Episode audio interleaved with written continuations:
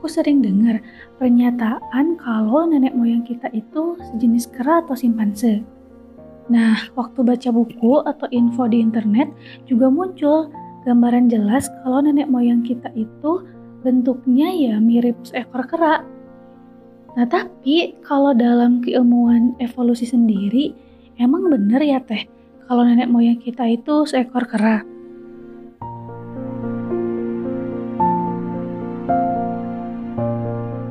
Banyak orang yang ketika mendengar istilah teori evolusi Darwin langsung fokus berpikir pada teori yang menyebutkan bahwa manusia berasal dari kera. Sebetulnya, ketika Darwin mencetuskan teori evolusinya, pertanyaan yang ingin ia jawab bukanlah mengenai asal-usul manusia atau bahkan asal-usul kehidupan. Objek yang beliau amati adalah keanekaragaman makhluk hidup dengan segala kemiripan maupun perbedaan bentuknya Nah, itu bagaimana bisa muncul? Kenapa ada organisme-organisme yang mirip tapi berbeda? Seperti para pemikir evolusi sebelumnya, beliau mengasumsikan bahwa spesies berevolusi atau berubah seiring berjalannya waktu. Pelayarannya dengan kapal Beagle dan kunjungannya ke, ke Kepulauan Galapagos membantunya membangun teori evolusinya. Di sana, ia melihat burung-burung fink yang punya kemiripan satu sama lain, tapi juga perbedaan-perbedaan yang cukup signifikan. Dan akhirnya muncullah teori evolusi, yaitu perubahan makhluk hidup dari satu bentuk ke bentuk lain melalui mekanisme seleksi alam. Itu sebetulnya inti dari teori evolusi Darwin. Tapi tentu saja, teori ini implikasinya bisa ke mana-mana. Salah satunya adalah ke berbagai makhluk hidup yang ada di muka bumi ini tak terkecuali manusia. Bagaimana sejarah hidup manusia kalau dilihat dari framework teori evolusi Darwin? Manusia bentuknya seperti sekarang itu gimana ceritanya? Ketika dilihat dari kacamata teori evolusi Darwin, ya jelas satu, spesies manusia itu nggak mungkin tercipta begitu saja. Penjelasan naturalistik berdasarkan teori ini ya manusia punya nenek moyang. Apa nenek moyangnya? Nah ini nenek moyangnya yang mana dulu? Nggak tepat sebetulnya ketika langsung bilang bahwa nenek moyang manusia adalah kera. Apalagi kalau kera yang dimaksud itu adalah spesies yang kita tahu saat ini seperti simpanse. Penjelasan mengenai hal ini bisa kita mulai dari pohon kekerabatan. Pohon kekerabatan itu adalah sebuah pohon yang menunjukkan hipotesis kekerabatan antar makhluk hidup. Kenapa hipotesis? Karena hubungan antar anggotanya masih bisa berubah-ubah bergantung pada data atau metode yang dipakai. Teman-teman bisa lihat dokumen pohon kekerabatan di description box ya, biar lebih jelas. Linknya sudah diletakkan di sana. Nah, kalau kita lihat salah satu contoh ke pohon kekerabatan yang ada, Homo sapiens itu punya kerabat-kerabat yang sudah punah. Kita bisa memperkirakannya dari bukti fosil. Coba kita lihat pohon A di sebelah kanan ya. Dari fosil-fosil yang ada, kerabat terdekat Homo sapiens itu adalah kelompok yang isinya Homo neanderthalensis dan Homo ergaster. Mereka semua diturunkan dari suatu nenek moyang, yaitu nomor 6. Nah, nomor 6 atau yang di titik percabangan yang saya kasih nomor 6 itu menggambarkan sebuah nenek moyang bersama dari suatu kelompok. Nah, apa bentuk si nenek moyang itu atau si nenek nomor 6 ini? Ya wallahu alam sebetulnya itu kan nenek moyang hipotetikal atau perkiraan saja yang berasal dari asumsi bahwa setiap organisme itu punya nenek moyang.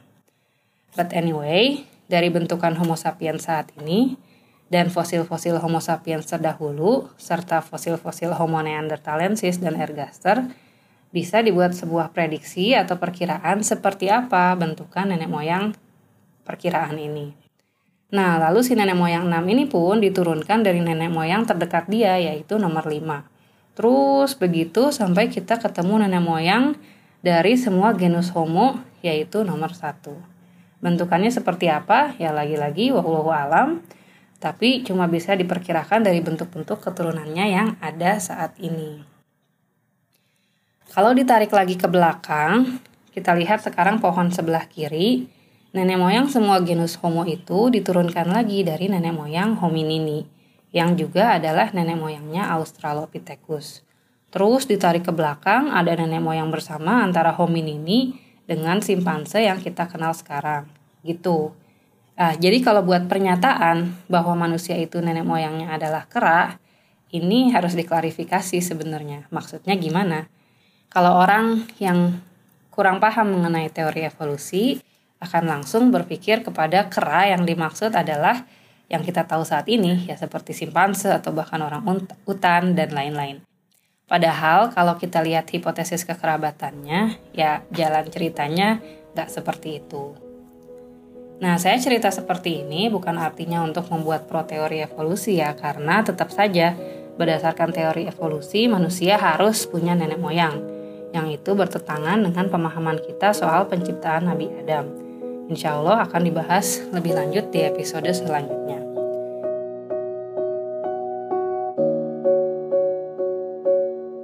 Saya bercerita seperti ini supaya kalaupun kita tidak setuju dengan teori evolusi, kita bisa menempatkan ketidaksetujuan kita pada tempatnya. Ibaratnya, kalaupun kita mau bertukar pendapat dengan orang-orang evolusionis anti Tuhan atau anti penciptaan, kita bisa mengemukakan argumen-argumen yang tepat sasaran yang berangkat dari titik permasalahan sesungguhnya dari teori evolusi, sehingga kita tidak jatuh ke logical fallacy atau kesesatan dalam berargumen.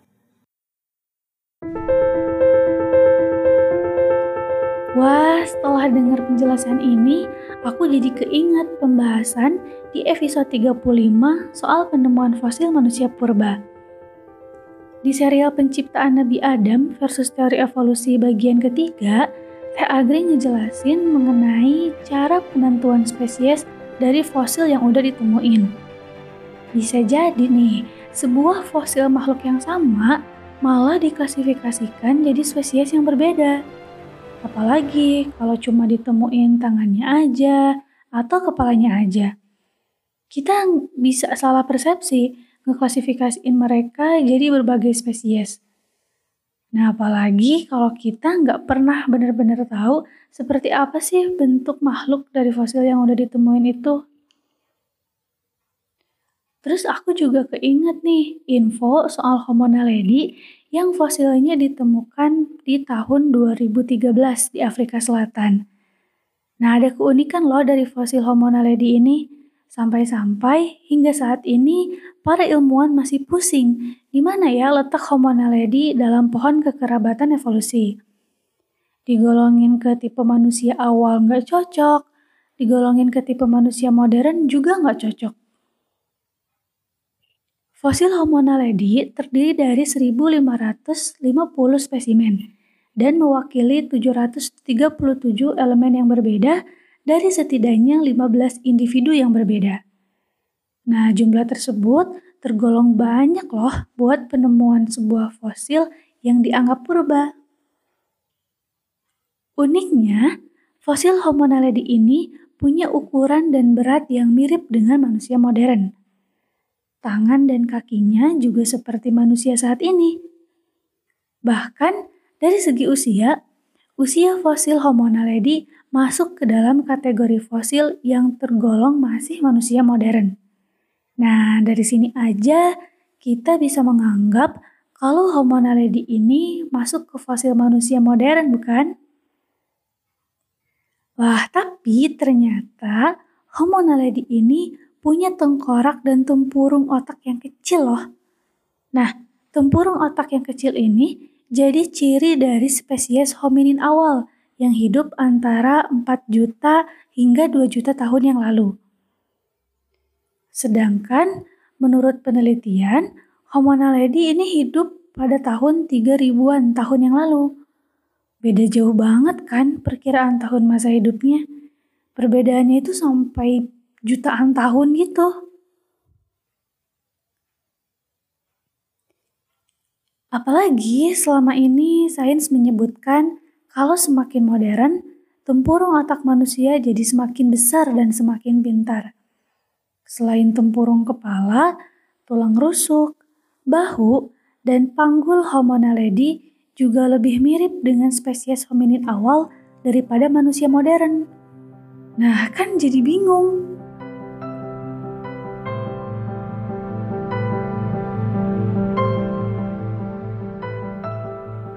Oh iya teh, aku juga pernah dengar kalau kera atau simpanse itu memiliki kemiripan DNA dengan manusia hingga 98%.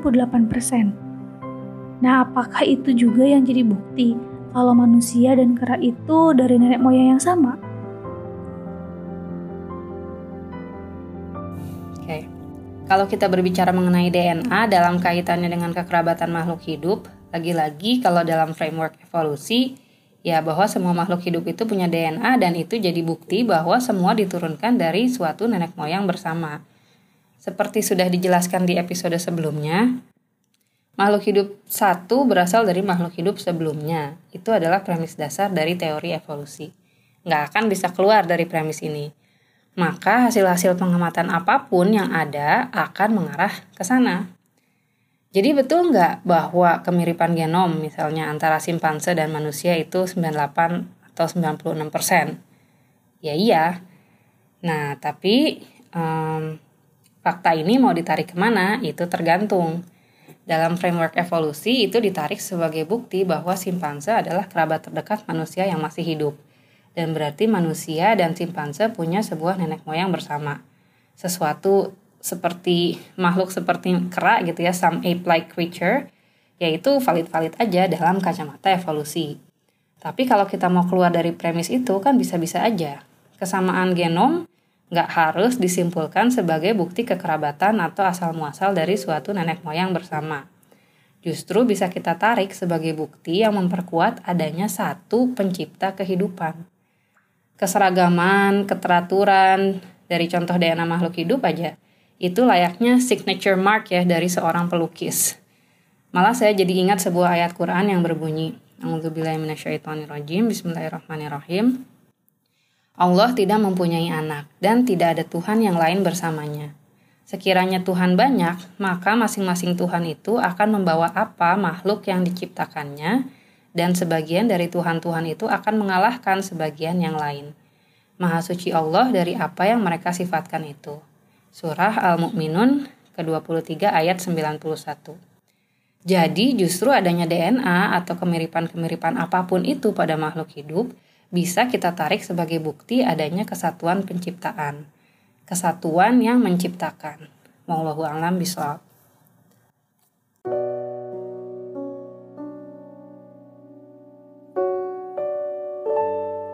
Wah, aku jadi dapat perspektif baru nih dari apa yang udah Tete jelasin.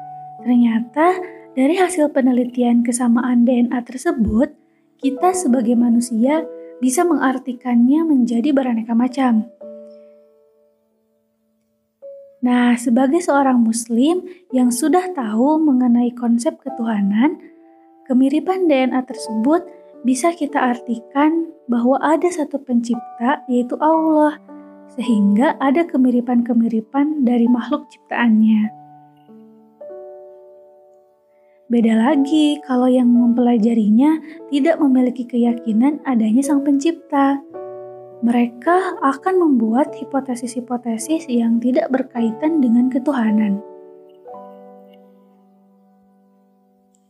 Oh iya, aku juga jadi ingat sama Quran Surat Al-Baqarah ayat 164. Di situ Allah dengan sangat tegas bilang kalau fenomena di alam adalah tanda-tanda keesaan dan kebesaran Allah bagi kaum yang memikirkan.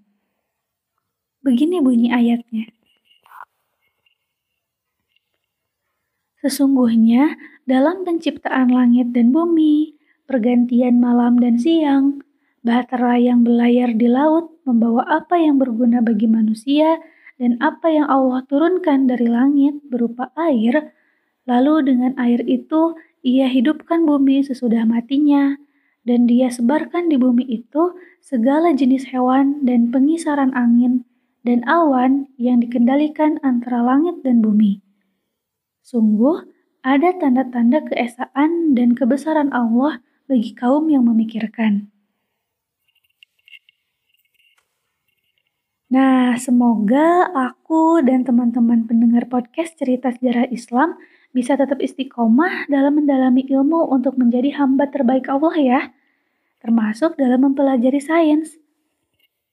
Semoga ke depannya akan lahir kembali generasi-generasi Islam yang nggak memisah-misahkan lagi pelajaran sains dan agama.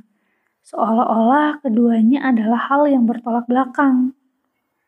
Karena bagaimana mungkin bisa lahir Ibnu Sina baru di bidang kedokteran, Al-Hawrizmi baru di bidang matematika, Jabir Al-Hayyan di bidang kimia, kalau generasi muslim masih mengkotak-kotakan sains dan agama, seolah mereka tidak berhubungan. Padahal sains adalah salah satu senjata agar kita bisa mengelola titipan berupa bumi Allah dengan lebih baik lagi. Oke, perjumpaan kita di bagian keempat serial penciptaan Nabi Adam versus teori evolusi sampai di sini dulu ya. Saya, Sofia, pamit undur diri dan sampai jumpa di episode selanjutnya.